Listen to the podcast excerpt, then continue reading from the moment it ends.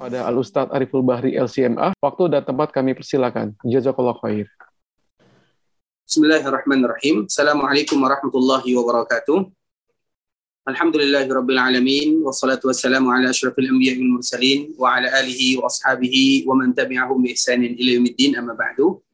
Alhamdulillah kita selalu bersyukur kepada Allah Subhanahu wa taala yang senantiasa melimpahkan rahmat karunia, kasih sayang, kesehatan, kesempatan kepada kita dan semoga seluruh nikmat yang Allah Subhanahu wa taala hadiahkan tersebut bisa kita manfaatkan untuk selalu beribadah kepada Allah Subhanahu wa taala. Kemudian salawat beriringkan salam semoga tetap tercurahkan buat baginda yang mulia Nabi kita tercinta Muhammad bin Abdullah sallallahu alaihi wasallam seorang nabi utusan Allah Subhanahu wa taala yang betul-betul menyampaikan risalah, berdakwah, memberikan nasihat yang indah kepada kita sebagai umatnya dan semoga kita bisa bersama Rasulullah sallallahu alaihi wasallam di dalam surganya. Allahumma salli ala Muhammad wa ala ali Muhammad kama sallaita ala Ibrahim wa ala ali Ibrahim innaka Hamidum Majid. Allahumma barik ala Muhammad wa ala ali Muhammad kama barakta ala Ibrahim wa ala ali Ibrahim innaka Hamidum Majid. Ikhwatal Islam, saudara kaum muslimin, kaum muslimat, ikhwani, akhwati, rahimani wa rahimakumullah. Sebelumnya kita mengucapkan jazakumullahu khairah terkhusus kepada sahabat ilmu Darmais, uh, para uh, profesor, doktor, direksi, teman-teman, rekan-rekan semuanya. Semoga Allah Subhanahu wa taala senantiasa melimpahkan keberkahan kepada kita bersama. Allah ampunkan dosa kita, Allah mudahkan urusan kita, terutama di dalam belajar agama Allah Subhanahu wa taala dan agar apa yang kita lakukan bisa bernilai pahala di sisi Allah Subhanahu wa taala. Pada pertemuan kali ini insya Allah dan ini merupakan penutupan daripada kitab yang dikarang oleh Imam Al-Muzani rahimahullahu taala yaitu pesan seseorang pesan seorang muslim terhadap saudaranya sesama muslim yang lainnya. Karena memang ikhwatal Islam agama Islam merupakan agama fitrah yang tidak pernah bertentangan dengan fitrah manusia karena memang Allah Subhanahu wa taala ciptakan kita untuk beribadah kepada Allah. Bahkan sebelum Allah Subhanahu wa taala menciptakan manusia, maka Allah Subhanahu wa taala sudah mengambil janji dengan manusia tersebut dengan makhluk tersebut dan kita sudah memiliki perjanjian dengan Allah Subhanahu wa taala. Tidak lain tidak bukan perjanjian ini adalah bagaimana kita selalu beribadah kepada Allah Subhanahu wa taala. Sebagaimana yang Allah Subhanahu wa taala sebutkan di dalam surat Al-A'raf, bagaimana Allah bertanya kepada kita dan kita semuanya menjawab bahwa Rabb kita adalah Allah. Jikalau kita mengakui Rabb kita adalah Allah, maka kepadanya kita meminta, kepadanya kita beribadah dan kita tahu bahwa kita adalah hamba Allah. Kita bukan hamba dunia, kita bukan hamba harta, kita bukan hamba-hamba yang lainnya, namun kita adalah hamba Allah Subhanahu wa taala. Sehingga di antara salah satu yang harus kita lakukan adalah berserah diri kepada Allah. Karena memang makna Islam itu sendiri adalah berserah diri kepada Allah Subhanahu wa taala. Islam adalah berserah diri kepada Allah dengan selalu bertauhid. Islam adalah bagaimana kita tunduk dan patuh kepada Allah Subhanahu wa taala. Islam adalah bagaimana kita berusaha melepaskan diri kita dari hal-hal yang tidak diridai oleh Allah Subhanahu wa taala. Dan hal-hal yang tidak diridai oleh Allah Subhanahu wa taala ada tiga perkara. Sebagaimana yang Allah jelaskan di dalam surah Al-Hujurat, "Wa karraha ilaikumul kufra wal fusuqa wal asyan." Allah tidak suka kepada kalian kekufuran, kesyirikan. Allah Subhanahu wa taala tidak suka kepada kalian kefasikan, kebid'ahan, dan Allah Subhanahu wa taala tidak suka kepada kalian kemungkaran dan kemaksiatan. Dan itu merupakan di antara bentuk kita sadar bahwa kita adalah sebagai hamba Allah Subhanahu wa taala dan kita tetap mengakui sampai hari kiamat pun kita akan menjadi hamba Allah Subhanahu wa taala dan semoga kita bersama menjadi hamba Allah yang diridai oleh Allah Subhanahu wa taala. Sehingga di antara salah satu kewajiban seorang muslim terhadap muslim yang lainnya adalah memberikan nasihat. Allah Subhanahu wa taala menyebutkan wadzakir fa inna dzikra tanfa'ul mu'minin. Hendaklah kalian saling mengingatkan karena di kala kalian saling mengingatkan satu sama lain itu akan memberikan manfaat yang luar biasa. Bahkan Allah Subhanahu wa taala menyebutkan Rasulullah sallallahu alaihi wasallam tidaklah datang dengan agama yang baru. Nabi hanya sekedar mengingatkan. Nabi sallallahu alaihi wasallam hanya mengembalikan manusia kepada hukum asalnya, kepada fitrahnya. Wa dzakir kata Allah Subhanahu wa taala. Hendaklah kamu wahai Muhammad ingatkan kaummu, ingatkan umatmu. Karena memang agama kita ini adalah agama fitrah. Melakukan kebaikan itu adalah bagian daripada fitrah meninggalkan kemungkaran dan kemaksiatan itu adalah bagian daripada fitrah fitrah Allah allati fataran nasa 'alaiha yaitu fitrah di mana Allah sudah menanamkan fitrah tersebut di dalam jiwa dan dada setiap manusia oleh karenanya di antara salah satu yang dilakukan oleh Imam Al-Muzani di akhir kitab Syarh Sunnah yaitu saling mengingatkan kita untuk selalu melakukan kebaikan, meninggalkan kemaksiatan dan memang itu adalah di antara tujuan daripada kita belajar agama karena tujuan kita belajar agama adalah kita ingin tahu. Kita ingin angkat kejahilan dari diri kita. Kita ingin mempelajari tentang sunnah baginda yang mulia. Kemudian setelah kita mengetahuinya, ada tugas dan tujuan serta visi dan misi kita yang kedua, yaitu bagaimana kita berusaha mengamalkan dalam kehidupan. Oleh karenanya, Imam Al-Muzani di akhir kitab Syarh Sunnah menyebutkan yang judulnya Al-Muhafadhah ala Ada'il Fara'id Warrawatib wajtinabul muharramat yaitu bagaimana seorang hamba mereka selalu berusaha menjaga hal-hal yang difardukan oleh Allah Subhanahu wa taala. Dan juga berusaha melakukan hal-hal yang disunnahkan oleh Allah Subhanahu wa taala. Kemudian bagaimana mereka berusaha meninggalkan seluruh larangan Allah Subhanahu wa taala. Karena memang kita dihadapkan dengan tiga perkara.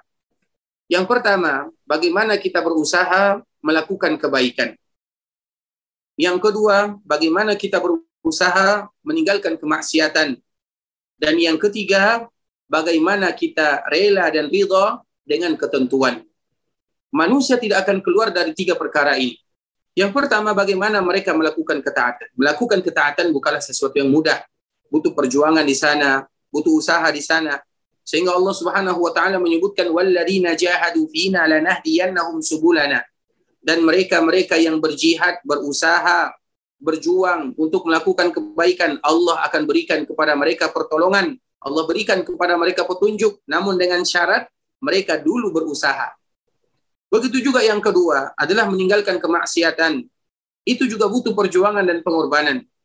Dan yang terakhir adalah bagaimana kita menerima ketentuan, yaitu ketentuan untuk apa Allah Subhanahu wa taala ciptakan kita, dan bagaimana ketentuan yang telah Allah sebutkan untuk diri kita, maka kita menerima ketentuan tersebut tentunya setelah berharap berdoa kepada Allah Subhanahu wa taala.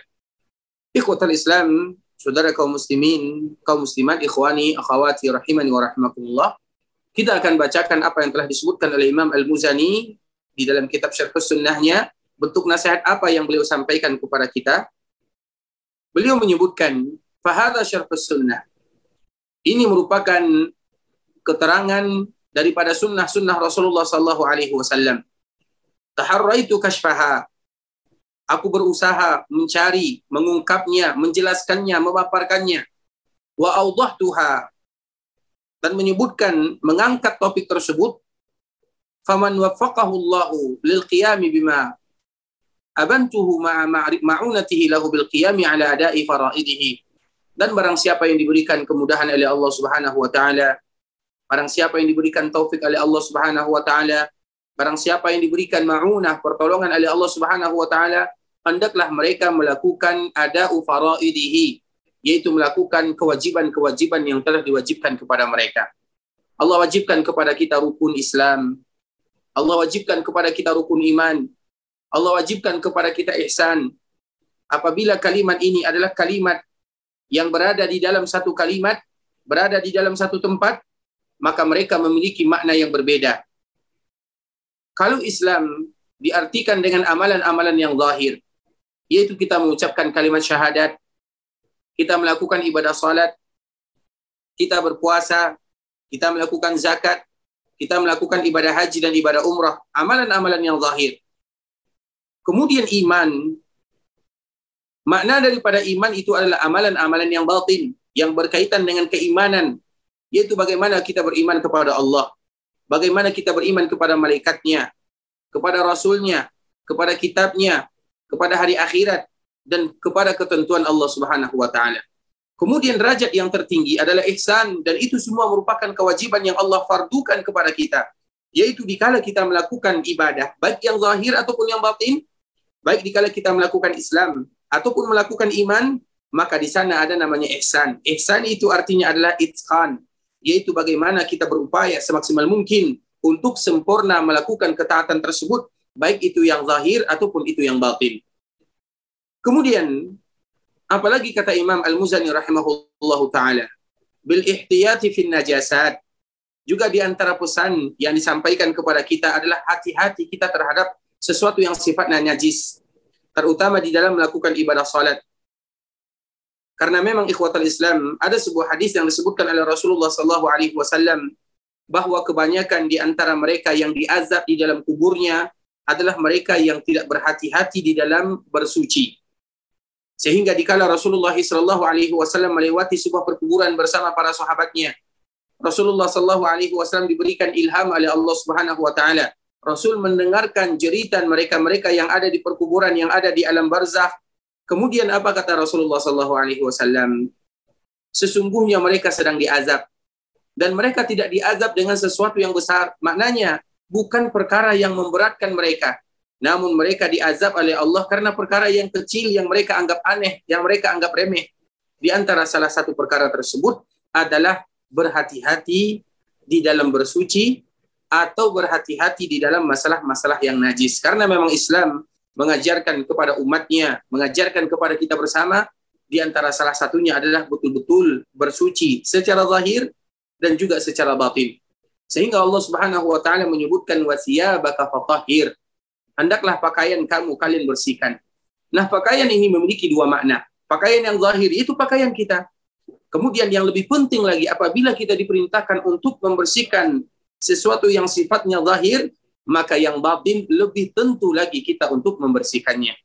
Sehingga di antara yang dianjurkan kepada kita dan diberikan nasihat oleh Imam Al-Muzani adalah hati-hati di dalam bersuci. Kita harus berhati-hati di sana. Kita harus tahu hukumnya mana yang najis, mana yang bukan najis, sehingga kita bisa betul-betul menjaga diri kita secara zahir ataupun yang batin. Kemudian juga di antara pesan Imam Al-Muzani wa isba wa isbahu taharati 'ala ta'at yaitu bagaimana kita berusaha menyempurnakan tahara. Tahara itu bisa kita maknakan dengan bersuci secara umum dan bisa kita maknakan dengan berwuduk secara khusus. Karena memang di antara kebiasaan yang dilakukan oleh seorang muslim yang diwajibkan mereka untuk melakukannya adalah bersuci. Bahkan dalam keadaan-keadaan mereka tidak boleh bersuci atau dalam keadaan mereka tidak suci, maka mereka pun dianggap atau dianjurkan untuk melakukan wudhu tersebut. Sebagaimana hadis Nabi Shallallahu Alaihi Wasallam, dikala ada orang yang sedang janabah, kemudian mereka hendak tidur, hendaklah mereka terlebih dahulu tidur kalau seandainya mereka tidak bisa mandi. Maknanya apa? Betul-betul dianjurkan kepada kita bersuci. Dalam tanda khususnya, betul-betul dianjurkan kepada mereka berwuduk, terutama menyempurnakan ibadah wudhu. Menyempurnakan ibadah wudhu itu adalah sesuatu perkara yang berat. Karena menyempurnakan itu adalah kadar lebih. Karena di dalam syariat ada dua.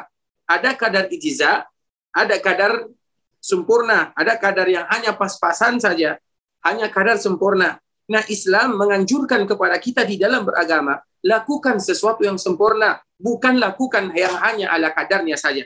Agar kalian terlepas dari kewajiban tidak, Islam menganjurkan kepada kita untuk melakukan sesuatu di dalam masalah ibadah yang sifatnya sempurna atau mendekati kepada sifat kesempurnaan tersebut bukan hanya sekedar kedar kita melakukan ibadah kepada Allah Subhanahu wa taala.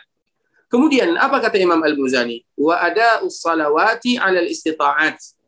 Dan juga dianjurkan kepada kita untuk melakukan salat. Kalau salat wajib itu sudah pasti.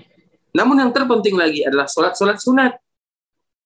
Alhamdulillah Allah Subhanahu wa taala menjadikan salat sunat tersebut adalah untuk menutupi kekurangan yang ada di dalam salat wajib. Sehingga dikala kita melakukan salat wajib, tidak ada di antara kita yang mengatakan bahwa salat kita sempurna, Salat kita pasti diterima. Tidak ada di antara kita yang berani mengatakan demikian. Sehingga di antara salah satu cara Allah untuk menutupi kekurangan-kekurangan yang kita lakukan di dalam salat adalah dengan melakukan salat-salat sunat. Dan banyak salat sunat yang bisa kita lakukan. Mulai dari kita bangun salat sunat fajar, Kemudian setelah subuh, kita sholat berjamaah bersama kaum muslimin. Kita tunggu dulu sampai matahari terbit. Ada lagi yang namanya sholat sunat syuruk. Kemudian ada lagi yang namanya sholat sunat duha. Kemudian ada empat rakaat sebelum zuhur. Ada empat rakaat setelah zuhur. Kemudian ada empat rakaat sebelum asar. Kemudian ada dua rakaat sebelum maghrib, dua rakaat setelah maghrib. Ada dua rakaat sebelum isya, dua rakaat setelah isya. Ada lagi sholat tahajud, ada, ada lagi sholat witir, ada lagi sholat rawatib, ada lagi salat di antara azan dengan iqamah, itu merupakan hal-hal yang dianjurkan bagi kita untuk melakukannya. Karena itu semua adalah untuk menutupi kekurangan yang ada di dalam salat wajib yang kita kerjakan. Kemudian, wa ita zakati ala ahli jaddad. Dan juga di antara yang harus kita lakukan adalah membayar zakat. Kita sebelumnya pernah menjelaskan tentang masalah zakat. Zakat itu adalah kewajiban kita.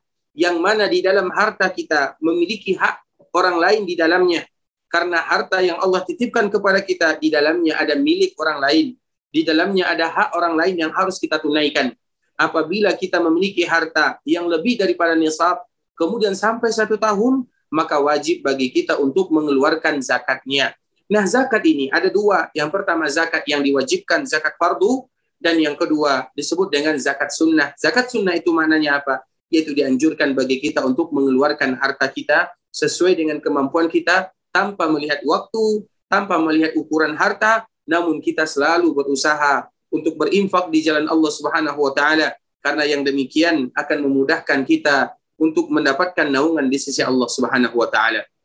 Kemudian juga di antara yang diwajibkan kepada kita wal hajju ala ahli jaddah wal istita'at.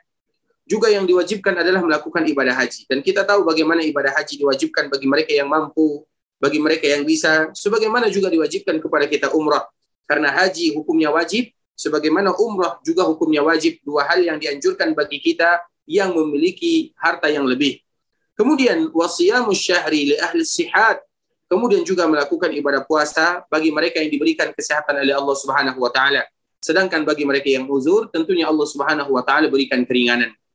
Kemudian wa khamsu salawatin sanna Rasulullah sallallahu alaihi wasallam min ba'di salawat. Kemudian ada lima waktu yang mana disunnahkan Nabi Shallallahu Alaihi Wasallam setelah melakukan sholat sholat fardu. Nah inilah yang disebut dengan sholat rawatib. Rawatib itu artinya adalah sholat sunat yang mengikuti sholat fardu. Sehingga disebut dengan rawatib. Karena rawatib itu artinya mengikuti. Rawatib atau rawatib, kalau di dalam bahasa Arab, itu maknanya adalah gaji. Upah. Karena memang biasanya gaji itu akan selalu mengikuti kita. Karena itu adalah hak kita. Sehingga kalimat rawatib dipakai untuk sesuatu yang mengikuti. Begitu juga dengan sholat sunat rawatib. Kenapa disebut dengan rawatib? Kenapa disebut dengan rawatib? Karena sholat tersebut adalah sholat yang mengikuti sholat-sholat fardu. Makanya disebut dengan sholat sunat rawatib yang dianjurkan bagi kita untuk melakukannya. Bahkan hadis-hadis yang sangat mulia disebutkan oleh baginda yang mulia. Barang siapa yang menjaga 12 rakaat sehari semalam atau 10 rakaat sehari semalam maka Allah bangunkan untuknya rumah di dalam surga. Itu merupakan di antara kenikmatan yang luar biasa dan semoga Allah memudahkan kita untuk melakukannya. Begitu juga salatul witri fi kulli lailah. Juga dianjurkan bagi kita untuk melakukan salat witir. Sehingga Rasulullah Shallallahu alaihi wasallam berpesan kepada umatnya, kalau kalian tidak yakin kalian bangun di akhir malam, maka lakukan witir di awal malam. Maknanya apa? Setelah kita melakukan isya, maka boleh kita melakukan witir baik itu satu rakaat atau tiga rakaat atau lima rakaat sesuai dengan kemampuan yang Allah berikan kepada kita. Dan sholat witir adalah sholat penutup malam. Sholat witir adalah sholat yang tidak pernah ditinggalkan Nabi, sholat sunat yang tidak pernah ditinggalkan Nabi, baik itu ketika Nabi berada di masa-masa atau dalam keadaan mukim, ataupun Nabi berada di dalam keadaan safar. Kemudian juga di antara yang dianjurkan kepada kita, warok acail fajar, dan juga disunnahkan kepada kita melakukan sholat sunat dua rakaat fajar yang mana pahalanya lebih baik daripada dunia dan seisinya rakaatil fajar. Khairum minad dunya wa ma fiha. Bahkan sebahagian para ulama menyebutkan kalau seandainya kita misalnya terlambat melakukan sholat subuh tidak ikut melaksanakan bersama jamaah karena ada uzur syar'i atau betul-betul bagi mereka yang tidak diwajibkan bagi mereka sholat berjamaah seperti kaum wanita kemudian mereka melakukan sholat dan mereka terlambat bangun subuhnya, tetap bagi mereka untuk melakukan sholat dua rakaat fajar karena di sana memiliki pahala yang luar biasa. Kemudian juga di antara yang dianjurkan kepada kita adalah wasolatul fitri wan nahri, yaitu salat hari raya Idul Fitri dan salat hari raya Idul Adha. Dan Idul Adha juga disebut dengan an-nahar karena adha artinya adalah udhiyah yaitu korban. An-nahar artinya adalah menyembelih. Dua kalimat yang berbeda namun memiliki makna yang sama. Kemudian wasalatu kusufus syamsi wal qamari idza nazal wa salatul istisqa mata wajib. Kemudian juga di antara yang dianjurkan kepada kita adalah salat melakukan gerhana, salat gerhana rembulan, salat gerhana matahari apabila matahari dan rembulan tersebut ada gerhananya. Kemudian juga di antara yang dianjurkan kepada kita adalah salat istisqa yaitu salat minta hujan apabila Allah Subhanahu wa taala belum menurunkan hujan kepada kita. Kemudian Imam Al-Muzani melanjutkan, di antara yang dianjurkan ada yang diwajibkan adalah atau di antara pesan Imam Al-Muzani adalah larangan. Sekarang kita kembali kepada larangan. Poin yang tadi telah kita jelaskan adalah perintah, sekarang kita kembalikan kepada larangan. Wajitinabul maharim. Hendaklah kita senantiasa menjauhi hal-hal yang sifatnya haram. Banyak hal-hal yang Allah Subhanahu wa taala dan Rasul sebutkan kepada kita mana yang haram. Allah haramkan kepada kita riba. Allah haramkan kepada kita namimah. Allah haramkan kepada kita dusta. Allah haramkan kepada kita rashwa. Banyak yang Allah haramkan kepada kita. Namun lebih banyak lagi yang Allah halalkan kepada kita. Sehingga wajidinabul maharim, menjauhi sesuatu yang diharamkan oleh Allah Subhanahu wa taala karena Allah Subhanahu wa taala sudah menyediakan hal-hal yang halal bahkan lebih banyak dibandingkan dengan yang haram. Bahkan para ulama menyebutkan kalau seandainya dipersentasekan yang halal dengan yang haram, yang haram itu hanya sedikit sekali. Mungkin 5 sampai 10% saja. Sedangkan 90 persennya atau 95 persennya itu adalah sesuatu yang dihalalkan oleh Allah Subhanahu wa taala. Namun kenapa masih banyak manusia mereka yang lebih suka kepada yang haram dibandingkan dengan yang haram, dibandingkan dengan yang halal? Kenapa mereka lebih memilih sesuatu yang dilarang oleh Allah untuk melakukannya dibandingkan dengan sesuatu yang mubah bahkan dianjurkan untuk melakukannya. Sehingga di antara salah satu kewajiban kita adalah berusaha melatih diri meninggalkan sesuatu yang diharamkan oleh Allah Subhanahu wa taala. Nah, Imam Al-Muzani menyebutkan di antara sesuatu yang diharamkan tersebut al-ihtirazu minan namimah. Yaitu bagaimana kita menjauhi diri kita dari sebuah sifat yang sangat berbahaya yaitu sifat namimah. Namimah itu adalah orang yang suka bercerita tentang orang lain, menceritakan keburukan, orang yang tidak suka kepada saudaranya, orang yang lebih menilai orang lain itu secara negatif dibandingkan secara positif. Oleh karenanya al-ihtirazu minan namimah. Bagaimana kita berusaha melatih diri kita ini agar kita tidak terjatuh ke dalamnya. Bahkan Allah sendiri yang menyebutkan di dalam Al-Quran, "Wa fi hatta yakhudu fi hadisin ghairi. Apabila kalian melihat orang yang bercerita tentang ayat-ayat Allah, mereka bersenda gurau, mereka menceritakan orang lain, mereka melakukan keburukan, jangan duduk bersama mereka, kata Allah Subhanahu wa taala. Kemudian juga di antara yang dilarang kita kita untuk melakukannya adalah al-kazib, yaitu berdusta, berbohong, bohong apa pun namanya, tidak boleh kita lakukan. Berbohong di dalam syariat Islam tidak boleh dilakukan sama sekali kecuali tiga sebagaimana yang disebutkan oleh Rasulullah sallallahu alaihi wasallam yaitu berbohong ketika seseorang berada di dalam peperangan. Karena memang peperangan itu adalah bagaimana kita mengatur strategi.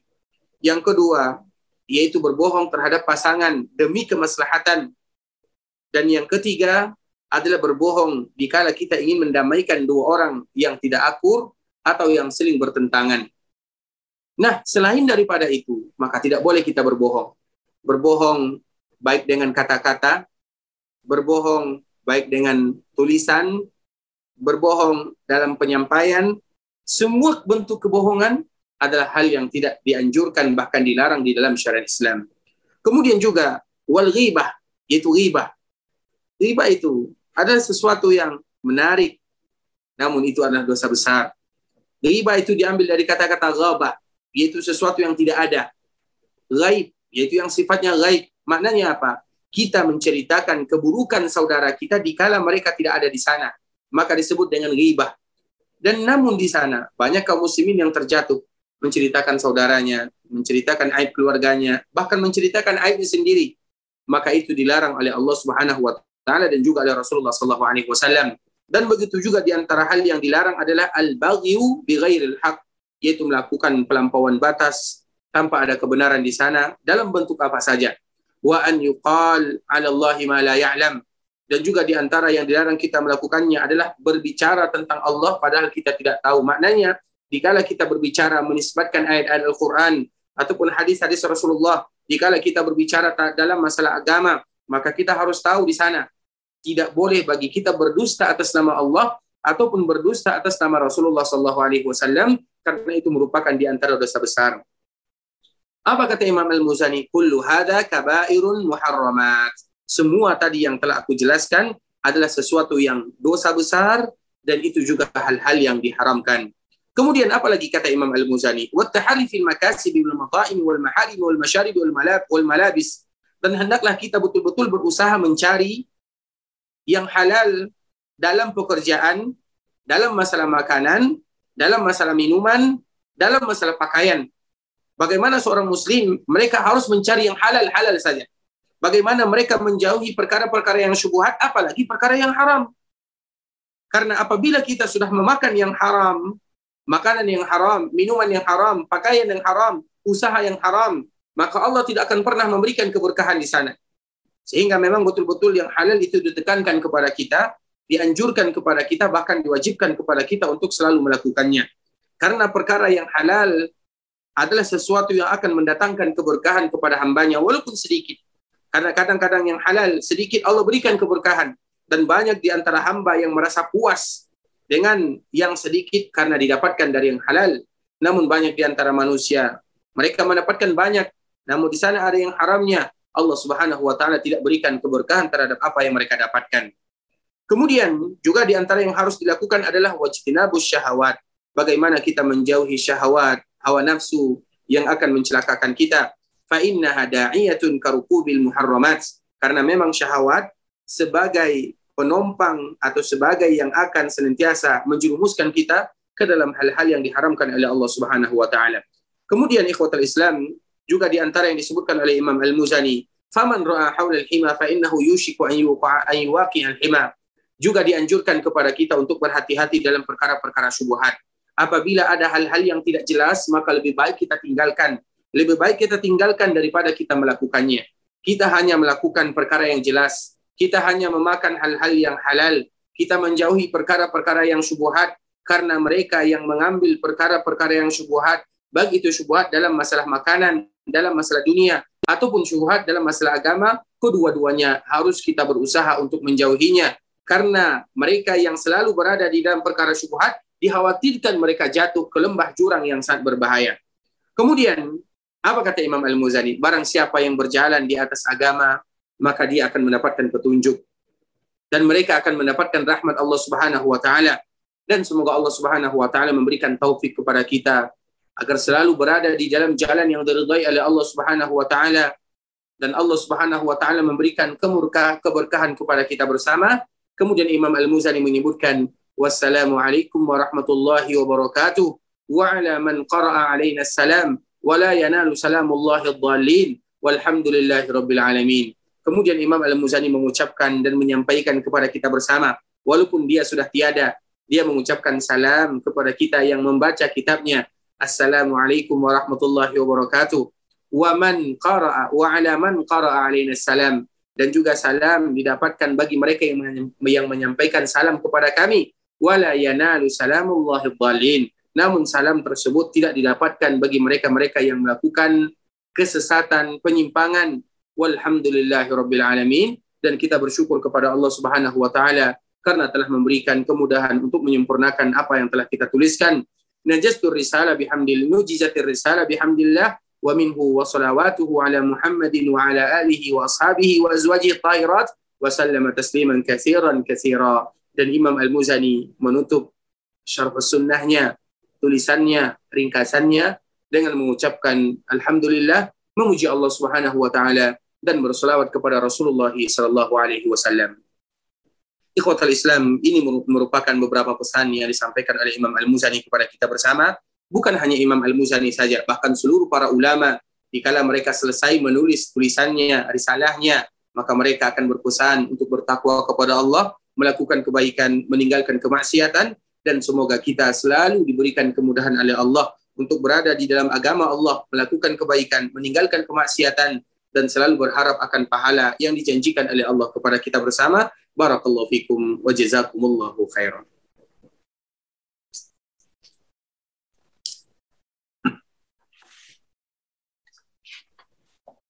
Ya, jazakallah khair Ustaz.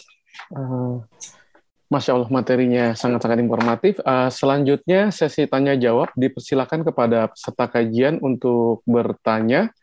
Uh, bisa melalui fitur raise hand untuk bertanya langsung kepada Ustadz atau kolom chat uh, ditujukan ke moderator. Uh, sudah ada beberapa pertanyaan Ustadz. Uh, ada yang dari raise hand dulu mungkin ya. Ini ada dari uh, Ahwat Ferawati. Silakan uh, kepada Ibu Ferawati untuk bertanya langsung kepada Ustadz. Assalamualaikum Ustaz. Waalaikumsalam warahmatullahi wabarakatuh. Jazakallah khairan Ustadz atas kesempatannya. Uh, Ustadz, sebelumnya Ana minta izin bertanya dua pertanyaan Ustadz. Yang pertama uh, masalah amalan ya Ustadz. Yang pertama uh, masalah sholat witir Ustadz kalau sholat witir itu kalau kita kerjain satu rakaat itu eh, nggak uh, apa-apa Ustadz. Soalnya kita berpedoman walaupun uh, sedikit tapi Allah sangat mencintai amalan sedikit ketimbang maksudnya daripada tiga rakaat berat apa kita termasuk orang yang malas atau satu witir aja nggak apa-apa satu rakaat aja nggak apa-apa Ustadz. Yang kedua uh, untuk zikir pagi dan petang Ustadz baiknya kita tuh kan banyak doa ada doa-doa atau zikir yang lain Ustadz. Pas doanya itu kita harusnya mengangkat tangan atau tidak ya Ustadz? Jazakallahu khairan Ustadz atas uh, kesempatannya. Assalamualaikum warahmatullahi wabarakatuh. Waalaikumsalam warahmatullahi wabarakatuh kepada ibu kita yang bertanya. Semoga Allah Subhanahu wa taala senantiasa menjaganya, menjaga keluarganya, keturunannya, memberikan keberkahan, Allah berikan keberkahan kepada mereka dan juga kepada kita bersama. Untuk pertanyaan yang pertama, yaitu masalah sholat witir. Apakah boleh kita lakukan satu rakaat? Kalau seandainya kita lakukan satu rakaat, apakah kita termasuk orang yang malas dalam beribadah kepada Allah? Tentunya ikhwatal Islam, melakukan witir satu rakaat adalah pesan Rasulullah Wasallam kepada sahabat Abu Hurairah. Abu Hurairah menyebutkan, "Ausani Khalili." Rasulullah Shallallahu Alaihi Wasallam berpesan kepadaku. Di antara salah satu pesan Rasulullah Shallallahu Alaihi Wasallam adalah bagaimana melakukan sholat witir satu rakaat. Coba bayangkan. Rasul berpesan kepada sahabatnya melakukan sholat witir satu rakaat. Berarti dikala kita melakukan witir satu rakaat, itu bukan tanda kemalasan. Apabila kita itu sanggup, itu yang kita sanggup untuk melakukannya, maka tidak menjadi masalah kita melakukan yang demikian. Bahkan itu pesan Rasulullah Shallallahu Alaihi Wasallam terutama di kala kita continue di sana. Ketika kita rutin di sana, sebagaimana hadis baginda yang mulia sallallahu alaihi wasallam, ahabbul a'mali ila Allah adwamuha. Amalan yang paling disukai oleh Allah adalah amalan yang senantiasa selalu dilakukan oleh seorang hamba. Kalau seandainya seorang terbiasa melakukan witir satu rakaat, tidak menjadi masalah. Karena memang witir disebut dengan witir dimulai dari satu rakaat. Dan itu semuanya adalah bagian daripada sunnah Nabi. Kalau kita bisa melakukan tiga rakaat, juga tidak menjadi masalah. Intinya bagaimana kita komitmen, bagaimana kita berusaha menjaganya, baik itu satu rakaat, tiga rakaat, lima rakaat, dan yang selanjutnya. Jadi permasalahannya dikembalikan kepada kesiapan kita, dikembalikan kepada bagaimana sanggupnya kita melakukan ibadah tersebut. Kemudian untuk pertanyaan yang kedua, yaitu masalah zikir pagi dan sore. Zikir yang betul-betul dianjurkan bagi kita untuk membacanya. Zikir pagi tentunya dimulai setelah fajar atau setelah subuh. Zikir sore, para ulama mereka berbeda, apakah setelah asar atau setelah maghrib. Apa pun perkataan yang disebutkan oleh para ulama, maka intinya dalam masalah membaca zikir pagi dan sore diberikan keleluasaan dan diberikan kebebasan. Bebas di dalam membaca waktunya dan bebas di dalam caranya. Sehingga di dalam kita membaca zikir pagi sore, tidak mesti bagi kita mengangkat tangan. Karena itu adalah kewajiban dikala kita berada di pagi hari dan kewajiban dikala kita berada di sore hari. Sehingga dikala kita mengucapkan amsayna wa amsal mulkulillahi walhamdulillahi wa la ilaha illallah. Dikala kita menyebutkan Allahumma afini fi badani. Tidak mesti bagi kita untuk mengangkat tangan dalam bergerak, dalam kita berjalan, dalam kita melakukan kegiatan. Maka boleh bagi kita untuk tetap membaca zikir pagi dan sore ini. Karena memang tujuannya adalah bagaimana lisan, lidah kita basah berzikir kepada Allah dan hari-hari kita semuanya kita serahkan kepada Allah Subhanahu wa taala. Barakallahu fikum. Ya, semoga jelas ya Ibu Ferawati penjelasan dari Pak Ustadz. Uh, berikutnya uh, dari Abu Zaki, silakan bertanya langsung kepada Pak Ustadz. Pak Abu Zaki, silakan. Baik, terima kasih. Assalamualaikum warahmatullahi wabarakatuh. Salam. Uh, langsung saja Pak Ustadz uh, mengenai pertanyaan saya. Apabila ada orang tua yang sudah meninggal dunia, Kemudian anaknya ini dia kalau keluar keluar rumah tidak menutup aurat. Artinya tidak berjilbab. Apakah orang tua ini menanggung dosa dari perbuatan anak tersebut? Mohon penjelasannya. Demikian barakallahu fikum. Barakallahu fikum kepada Bapak Abu Zaki. Semoga Allah Subhanahu wa taala menjaganya, menjaga keluarganya, memberikan keberkahan kepada mereka dan juga kepada kita bersama. Dikala ada orang tua yang sudah meninggal, kemudian mereka meninggalkan anak-anak dan di antara anaknya tersebut ada anak yang perempuan. Kemudian ada anak perempuan tersebut yang mungkin mereka membuka auratnya dikala mereka keluar dari rumahnya. Apakah orang tua yang sudah meninggal tadi mendapatkan beban dan dosa terhadap apa yang dilakukan oleh anaknya? Dalam permasalahan ini kita tidak bisa menjawab begitu saja. Namun kita harus memberikan perincian. Perincian yang pertama, apabila orang tua mereka sudah memberikan dan melakukan tanggung jawabnya sebagai orang tua. Dan kita tahu di antara salah satu tanggung jawab orang tua sebagaimana ayat yang Allah sebutkan, ya ayyuhalladzina amanu qu anfusakum wa ahlikum nara. Wahai orang-orang yang beriman, jaga diri kalian, jaga keluarga kalian dari api neraka Allah. Maknanya apa? Berarti setiap orang tua mereka memiliki tanggung jawab yang besar terhadap anak-anaknya. Wajib bagi mereka mengajarkan kepada anaknya agama. Wajib bagi mereka untuk memerintahkan anaknya melakukan kebaikan dan meninggalkan kemaksiatan. Apabila orang tua mereka sudah melakukan kewajibannya, mereka sudah mengajarkan anaknya agama, mereka sudah menyebutkan kepadanya mana yang halal, mana yang haram, mereka sudah berusaha semaksimal mungkin mengajarkan agama kepada anaknya, kemudian ternyata anaknya tidak mau melakukan, bahkan tidak mengindahkan apa yang telah disebutkan, maka orang tuanya tidak akan mendapatkan lagi beban dikala mereka sudah dipanggil oleh Allah karena mereka sudah melakukan tanggung jawab dan tugasnya sebagai orang tua. Dan itulah yang disebutkan oleh Allah Subhanahu wa taala, "Wala taziru wizra ukhra." Seseorang tidak akan dibebankan, tidak akan dipikulkan kepadanya dosa orang lain terhadap dirinya. Dosa yang dilakukan oleh anak, terutama bagi mereka yang tidak mau melakukan ketaatan, Misalnya seorang anak wanita yang tidak mau berpakaian menutup auratnya, tidak akan dibebankan kepada orang tuanya kalau orang tuanya sudah melarangnya, menyebutkan kepadanya, mengajarkan agama kepadanya. Itu yang pertama. Yang kedua, kalau seandainya orang tuanya cuek, acu tak acu, tidak memperdulikan, tidak menganggap masalah, mau anaknya pakai jilbab, mau anaknya tidak pakai jilbab, tidak mengajarkan kepada mereka agama, mereka melakukan ketaatan, mereka melakukan kemaksiatan, dia seolah-olah tidak memiliki tanggung jawab di sana. Kalau dia meninggal, maka Allah akan menuntut kepadanya mana tanggung jawabmu sebagai orang tua.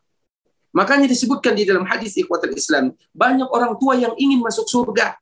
Mereka masuk ke dalam surga dan hampir saja mereka masuk surga. Diprotes oleh anaknya, "Ya Allah, jangan biarkan dia masuk surga." Coba bayangkan bagaimana dahsyatnya anaknya yang melarang orang tuanya masuk ke dalam surga. Kenapa? Ya Allah, jangan biarkan dia masuk surga karena dia tidak pernah mengajarkan kepadaku mana kebaikan dan mana keburukan. Mereka tidak mengajarkan kepadaku yang tentang agama. Ini harus dilakukan, ini tidak boleh dilakukan. Kalau demikian, mereka tidak merasa bertanggung jawab. Mereka tidak ajarkan kepada keluarganya, kepada anaknya, kepada istrinya tentang agama Allah. Mereka berkeluarga atau mereka bertanggung jawab. Kenapa? Karena mereka memiliki mereka memiliki tanggung jawab yang dibebankan oleh Allah Subhanahu wa taala. Oleh karenanya, keadaannya ada dua, tergantung bagaimana orang tua tersebut. Namun tentunya orang tua mana yang tidak mengajarkan kepada anaknya kebaikan, yang tidak mengajarkan kepada anaknya tentang keburukan, dan semoga Allah Subhanahu wa taala ampunkan mereka-mereka yang sudah dipanggil oleh Allah Subhanahu wa taala terutama orang tua kita yang sudah mendahului kita dan juga seluruh kaum muslimin. Barakallahu fikum. Ya, semoga jelas ya penjelasan dari Pak Ustadz kepada Pak Abu Zaki. Eh, berikutnya sudah ada beberapa pertanyaan yang masuk melalui kolom chat. Yang pertama dari Umu Anugrah. Bismillah, Assalamualaikum warahmatullahi wabarakatuh. Pak Ustadz, mohon izin bertanya. Ya, ada beberapa pertanyaan nih Pak Ustadz. Yang pertama, uh, apa hukum orang tua yang bersedih dan khawatir terhadap anak yang sudah diingatkan berulang-ulang namun belum juga berubah? Apa yang harus dilakukan sebagai orang tua? Terus yang yang kedua, bagaimana cara kita mengetahui bahwa kita pakaian kita betul-betul suci terkait dengan tadi uh, kita harus berhati-hati terhadap apa dalam bersuci ya. Terus yang ketiga, uh, apa hukumnya berhaji dua kali dengan niat untuk lebih menyempurnakan lagi ibadah haji yang sebelumnya dan berharap pahala kita yang lebih sempurna. Jazakallah khair, Ustaz. Barakallahu fiikum wa jazakumullahu khairan kepada Ummu Anugrah. Semoga Allah Subhanahu wa taala menjaganya. Untuk pertanyaan yang pertama yaitu masalah kita dengan keluarga kita, dengan anak-anak kita, terutama dikala kita sudah mengingatkan mereka untuk melakukan kebaikan dan bagaimana mereka selalu melakukan kebaikan istiqamah di dalam agama di antara perintah Allah Subhanahu wa taala kepada kita yang pertama adalah berdoa kepada Allah.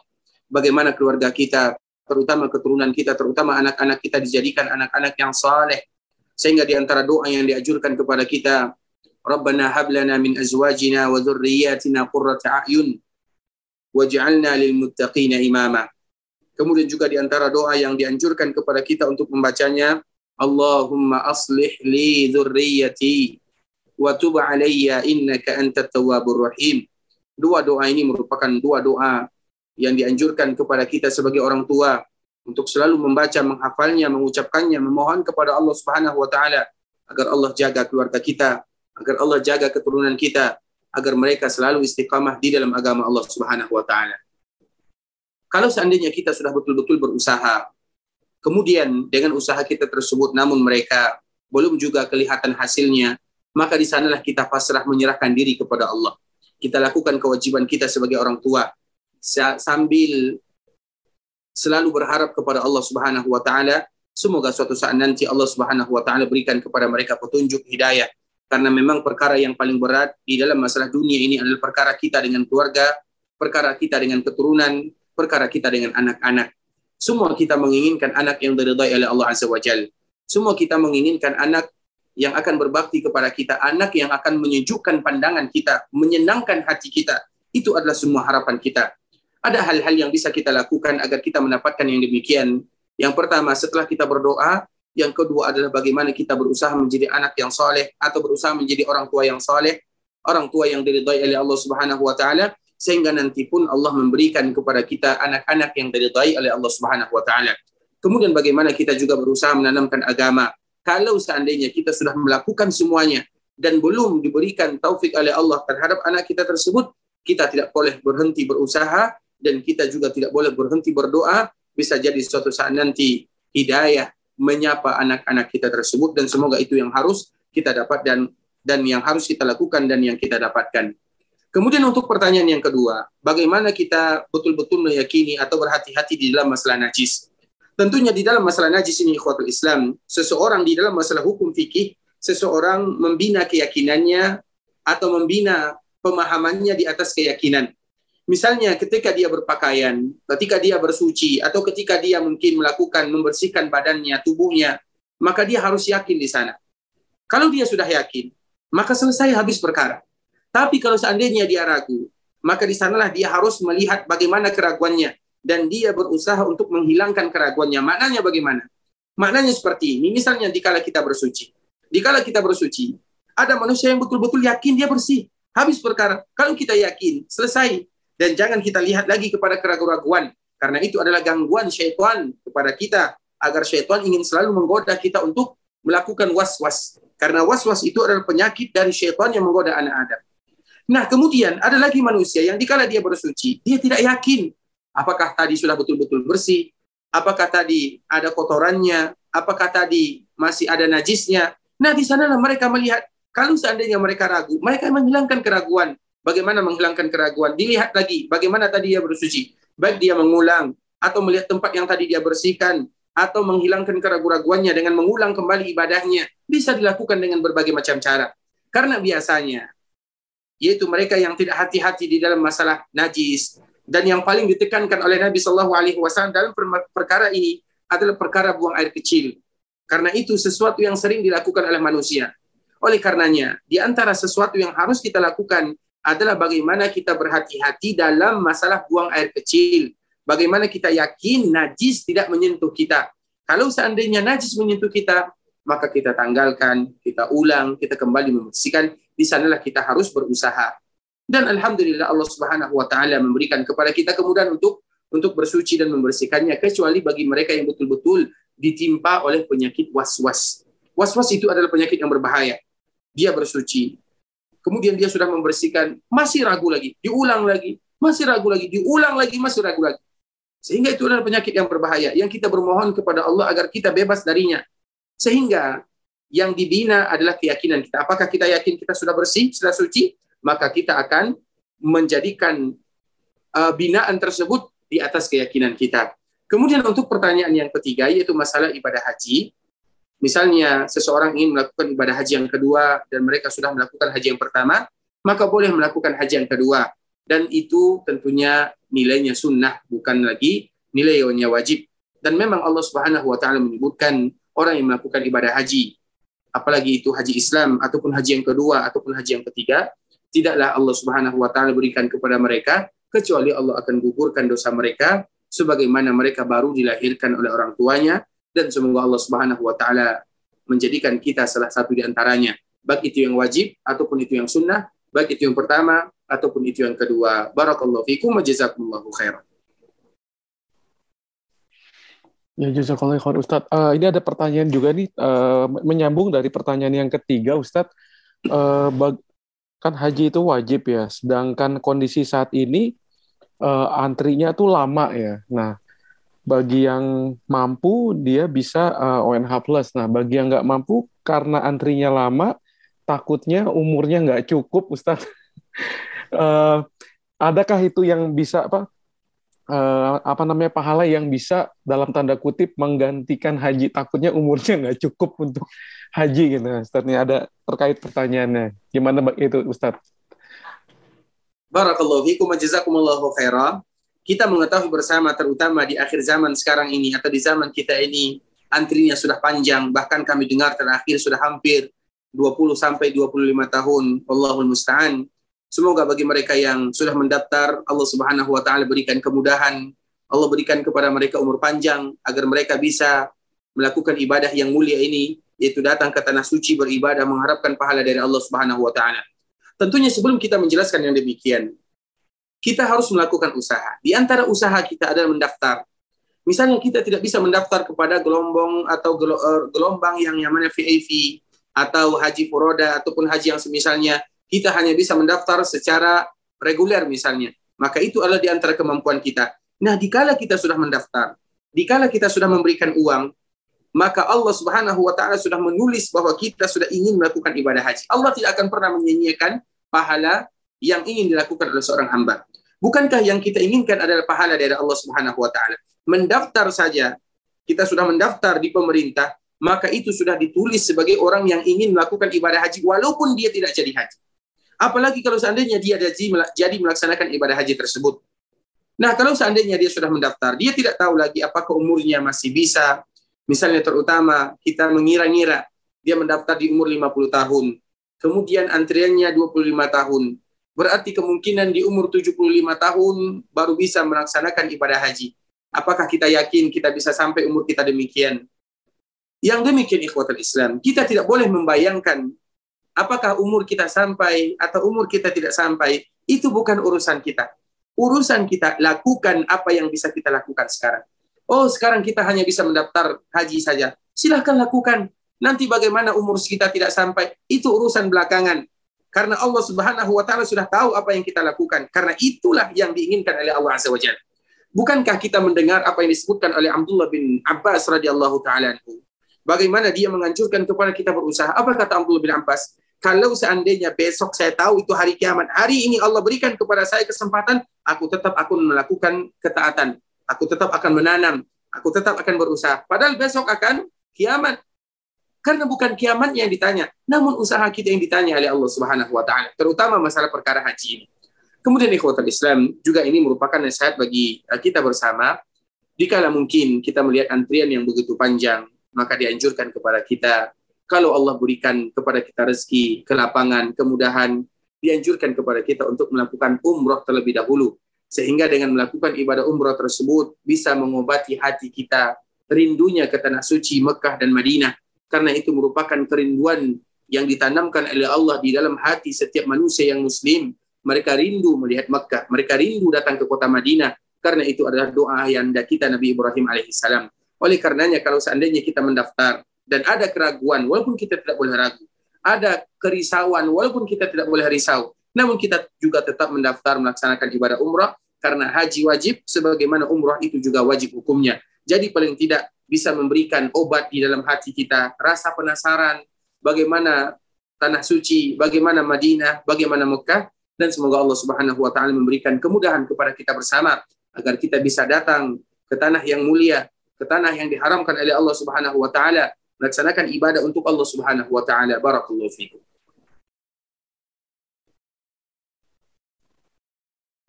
Ya, terima kasih Ustadz. Jadi jawabannya berusaha dulu ya Ustadz ya. Umur nggak ada yang tahu. Oke, uh, berikutnya pertanyaan dari uh, Ibu Nina. Uh, ini pertanyaan yang sering ditanyakan oleh uh, khususnya Kom Ahwat nih ya.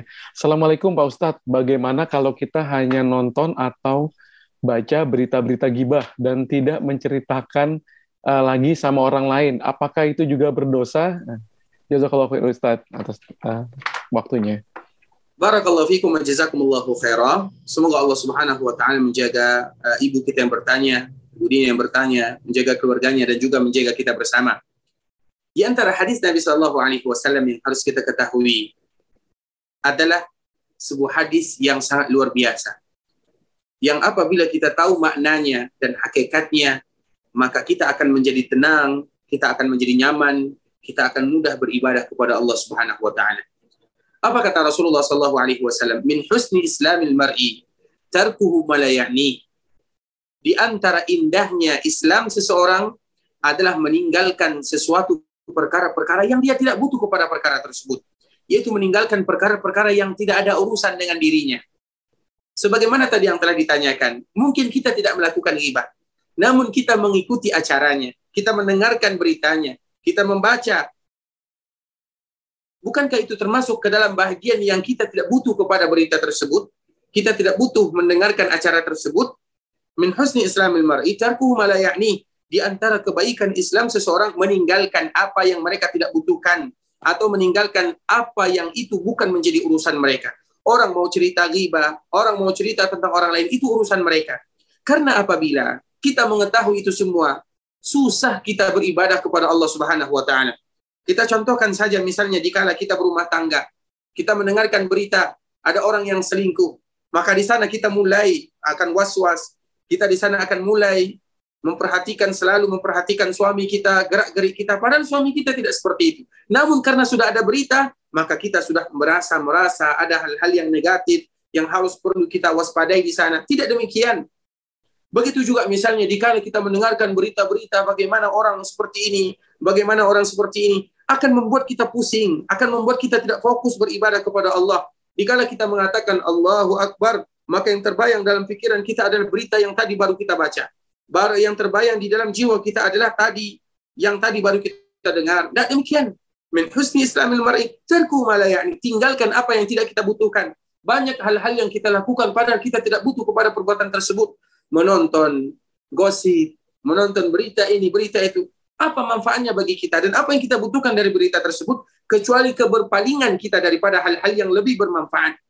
Makanya Allah Subhanahu wa taala dan Rasul menyebutkan kepada kita, lakukan hal-hal yang akan menambah manfaat bagi kita. Apa yang bisa memberikan manfaat? Baca Quran, mendengarkan ceramah, mendengarkan pengajian, mendengarkan hadis-hadis Nabi, melakukan kebaikan. Seorang istri misalnya melayani suaminya, memasak untuk suaminya, mengurus anak-anaknya, itu semuanya adalah kebaikan. Jangan masukkan ke dalam hati kita yang suci ini dengan perkara-perkara yang bisa mengotorinya dan di antara yang bisa mengotori jiwa dan dada kita adalah perkara-perkara yang tidak kita butuhkan apalagi yang berkaitan dengan gosip, berita, riba, namimah. Itu semuanya adalah hal-hal yang akan mengotorkan hati kita, yang akan menjauhkan kita dari Allah Subhanahu wa taala, bahkan membuat kita tidak fokus beribadah kepada Allah. Jangan jadikan ketergantungan kita kepada mereka, jadikan ketergantungan kita kepada hal-hal yang akan dapat kita ambil hasilnya di akhirat kelak berjumpa dengan Allah Subhanahu wa taala. Semoga Allah memberikan kemudahan kepada kita karena memang ini berat kita lakukan namun harus kita berusaha untuk melakukannya. Barakallahu fiikum. Ya, barakallahu fikum Ustaz. Ini ada pertanyaan dari uh, Abu Rizki. Ini terkait dengan yang halal dan haram, uh, Ustaz. Jadi, Assalamualaikum, izin pertama Ustaz. Dalam jual beli, seorang mediator sering mendapatkan titipan harga dari tim atau orang dalam pihak pembeli. Sedangkan si mediator sendiri mendapat upah dari penjual apabila terjadi transaksi apakah pendapatan si mediar, mediator itu tersebut halal? Bagaimana dengan orang dalam hal tersebut? Karena hal tersebut sering terjadi pada transaksi jual beli. Uh, Jazakallah khair Ustaz. Uh, sebelumnya barakallahu fikum kepada Abu Rizki yang telah memberikan pertanyaan. Semoga Allah Subhanahu wa taala menjaga kita bersama. Ini berkaitan dengan tips atau yang misalnya apakah ini halal atau haram ataukah ini termasuk ke dalam hadiatul amil yang mana hadiatul amil itu artinya adalah dia sudah mendapatkan gaji namun dia tetap mendapatkan tambahan sebenarnya secara hukum asal ada yang gharar ada gharar gharar itu artinya adalah ini menurut pandangan kami pribadi dan kita juga tidak tertutup kemungkinan untuk bertanya kepada ustadz yang lainnya terutama bagi mereka yang ahli di dalam masalah muamalah. Ada yang gharar. Gharar itu artinya sesuatu ketidakjelasan.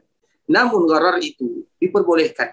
Di antara salah satunya yang mana sifatnya adalah sosial, yang tidak ada hubungannya atau kita tidak mengambil manfaat daripada orang tersebut. Sebagaimana tadi yang telah ditanyakan, jika mendapatkan tambahan, orang tersebut setelah itu tidak akan lagi mendapatkan keberuntungan atau keuntungan dari uh, yang mengantarkan barang atau dari mereka yang menjual barang tersebut, walaupun dia sudah digaji.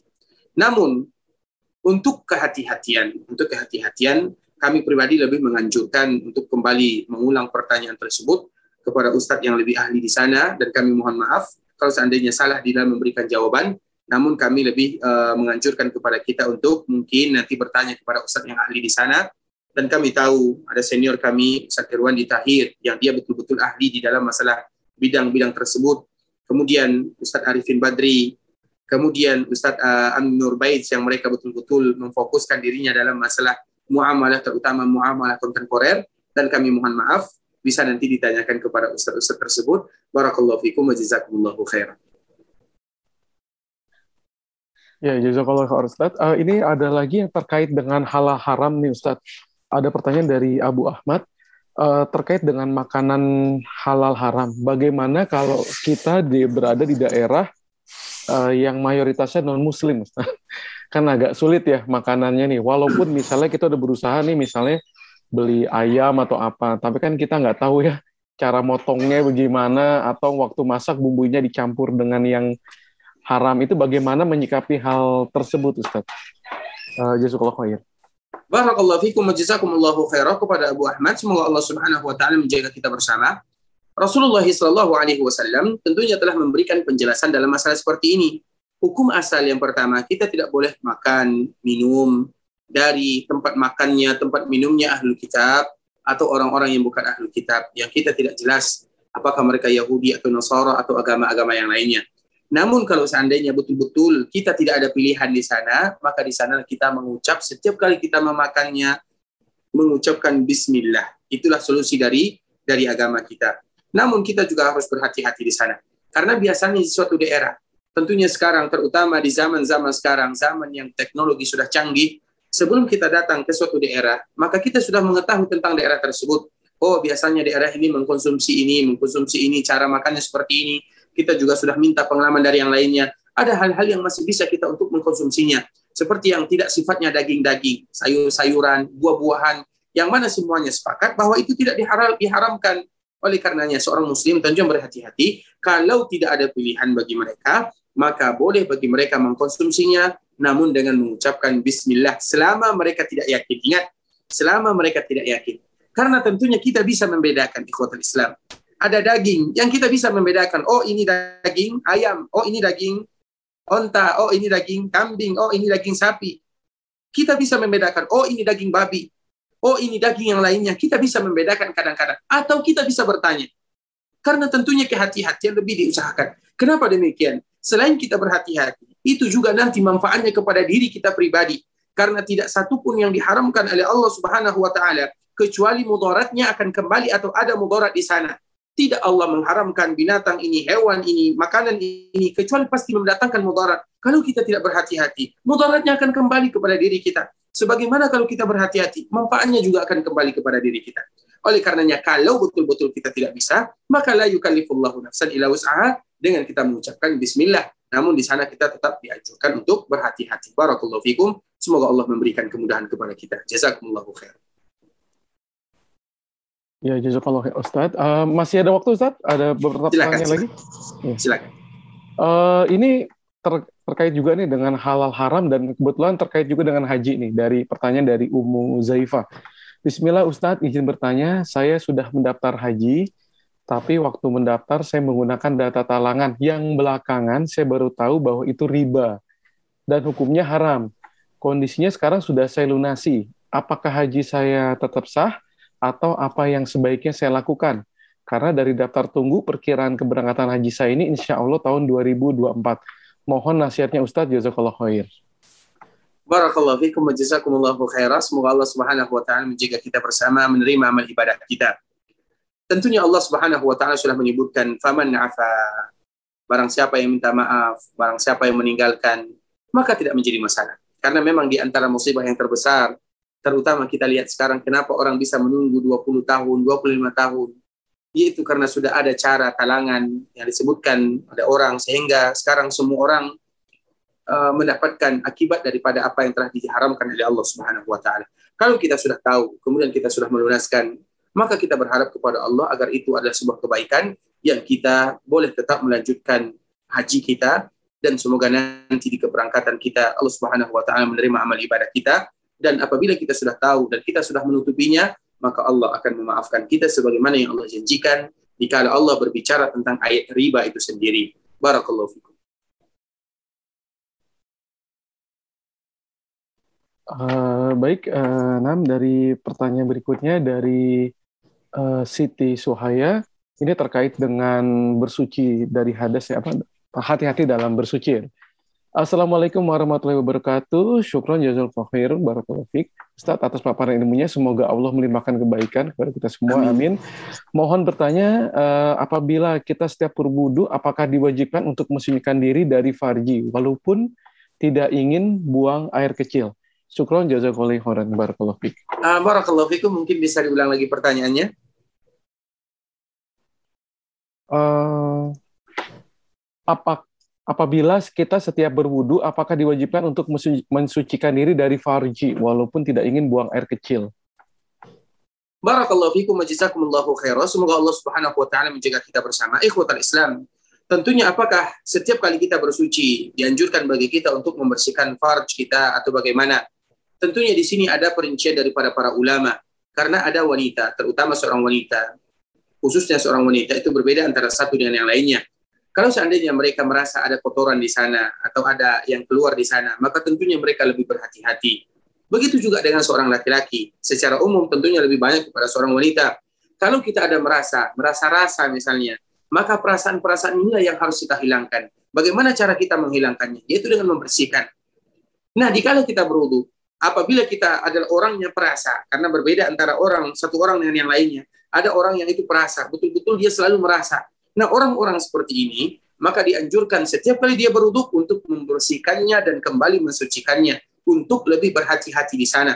Sedangkan bagi mereka yang tidak demikian, maka boleh langsung mereka beruduk tanpa ada masalah di sana. Sebenarnya permasalahan ini kembalikan kepada orang, karena setiap orang itu berbeda antara satu dengan yang lainnya. Ada orang yang betul-betul yakin, oh saya ini tidak menjadi masalah, oh saya ini yakin bahwa saya ini bersih farj saya bersih, uh, farji saya bersih. Sedangkan yang lain ada tidak ada orang yang was-was, yang mungkin kadang-kadang dia selalu ragu, bahkan selalu mengganti bagian dalamnya. Dan itu adalah bagian kehati-hatian. Dan setiap orang berbeda antara satu dengan yang lainnya. Selama dia yakin itu bersih, maka tidak menjadi masalah. Sebagaimana apabila dia yakin itu tidak bersih, maka harus baginya untuk mengganti. Karena masalah yakin ini, terutama di dalam masalah ibadah, terutama di dalam masalah bersuci, itu sangat ditekankan. Misalnya kita contohkan, ada air.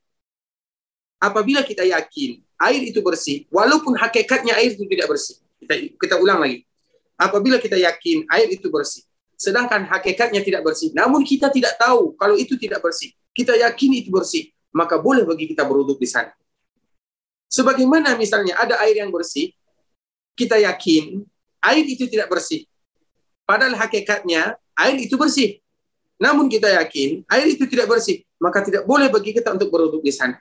Coba bayangkan bagaimana itu dikembalikan kepada keyakinan. Nah, begitu juga dengan bersuci. Yaitu semuanya dikembalikan kepada bagaimana kita yakin, tenang, nyaman di sana dalam masalah beribadah, terutama di dalam membersihkan farji, sebagaimana tadi yang pernah dijelaskan. Barakallahu fikum. Oke, sekarang pertanyaan uh, berikutnya secara langsung bisa dari kepada Andi Maning Ratu. Silakan bertanya kepada langsung kepada Pak Ustadz. Silakan.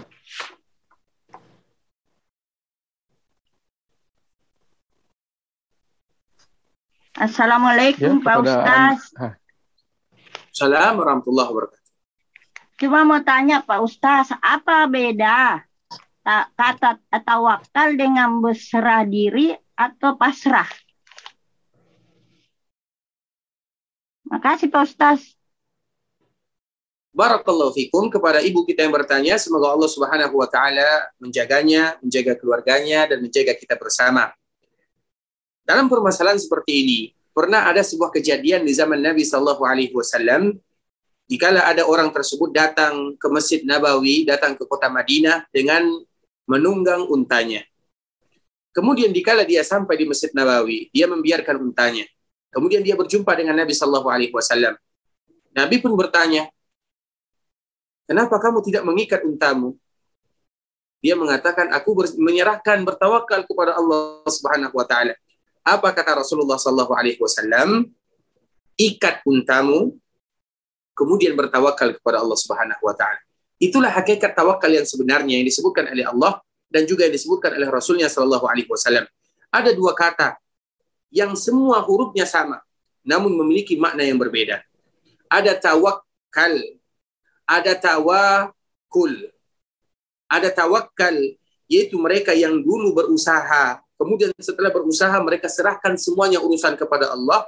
Ada mereka yang tidak berusaha langsung mengatakan semuanya dikembalikan kepada Allah. Itulah yang disebut dengan uh, kalimat yang tadi telah dijelaskan ada tawakal. Tawakal itu dianjurkan kepada kita untuk selalu berusaha dulu, berusaha. Kemudian baru kita serahkan kepada Allah Subhanahu wa taala. Sedangkan kalimat yang kedua, tawakul, tidak ada usahanya. Kemudian nyata-nyata nyata-nyatanya mereka mengatakan serahkan kepada Allah.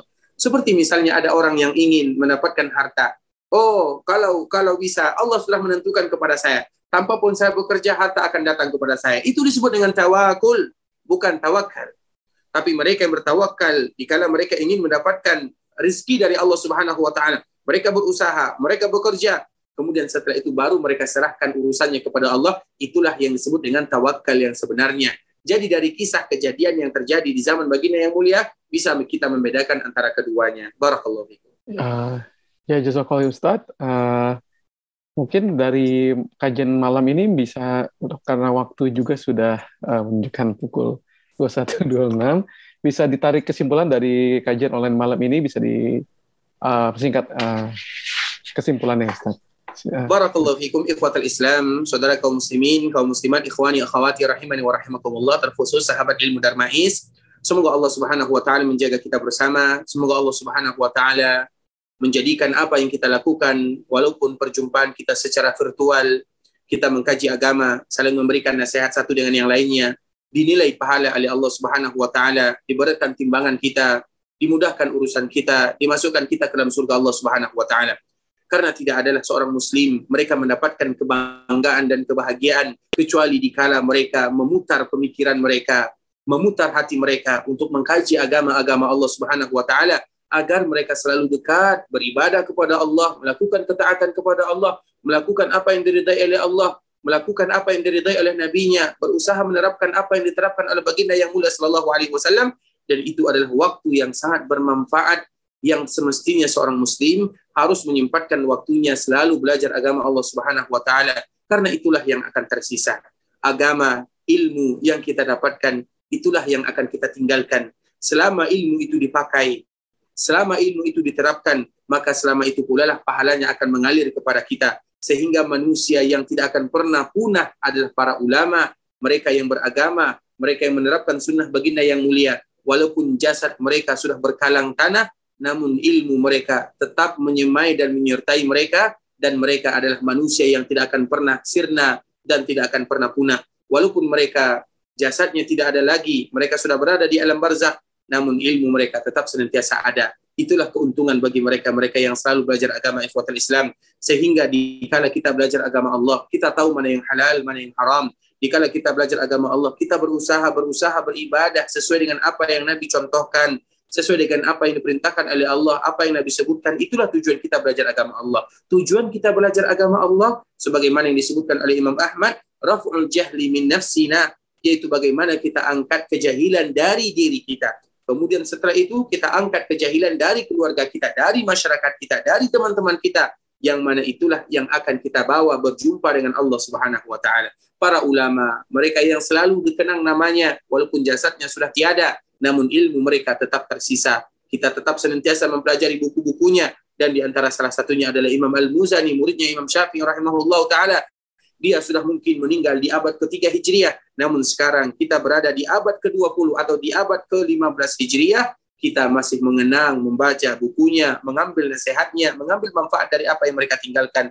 Itulah ikhwatul Islam. Kita harus selalu semangat belajar agama Allah Subhanahu wa taala dan semoga kita hidup dalam belajar agama. Kita pun berjumpa dengan Allah membawa agama yang pernah kita pelajari. Barakallahu fikum, ikhwatul Islam, terutama terkhusus sahabat ilmu dan ma'is, para profesor, doktor, jajaran, dan semuanya, kawan-kawan semuanya, semoga Allah menjaga kita bersama, mudahkan langkah kita, tidaklah kita berpisah kecuali Allah pisahkan kita dalam keadaan dosa-dosa kita diampunkan. Allah Subhanahu wa taala mudahkan urusan kita. Kalau seandainya ada di antara kita yang mengalami kesulitan, maka Allah mudahkan, Allah lapangkan dan Allah selesaikan. Barakallahu fikum. Yang benar dari Allah Subhanahu wa taala, yang salah dari diri kami pribadi karena kurangnya ilmu kami, karena kebodohan dan kejahilan kami. Kalau ada kata-kata yang salah, kami mohon maaf, kami mohon dimaafkan, dan kita tutup dan membaca doa kafaratul majlis. Subhanakallahumma bihamdika asyhadu an la ilaha illa anta astaghfiruka wa atubu ilaik. Wa sallallahu wa sallim ala nabiyyina Muhammadin wa ala alihi wa sahbihi wa sallam tasliman katsira.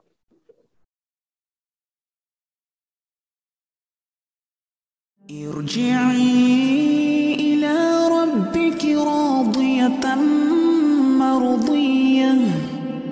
فادخلي في عبادي. وادخلي جنتي.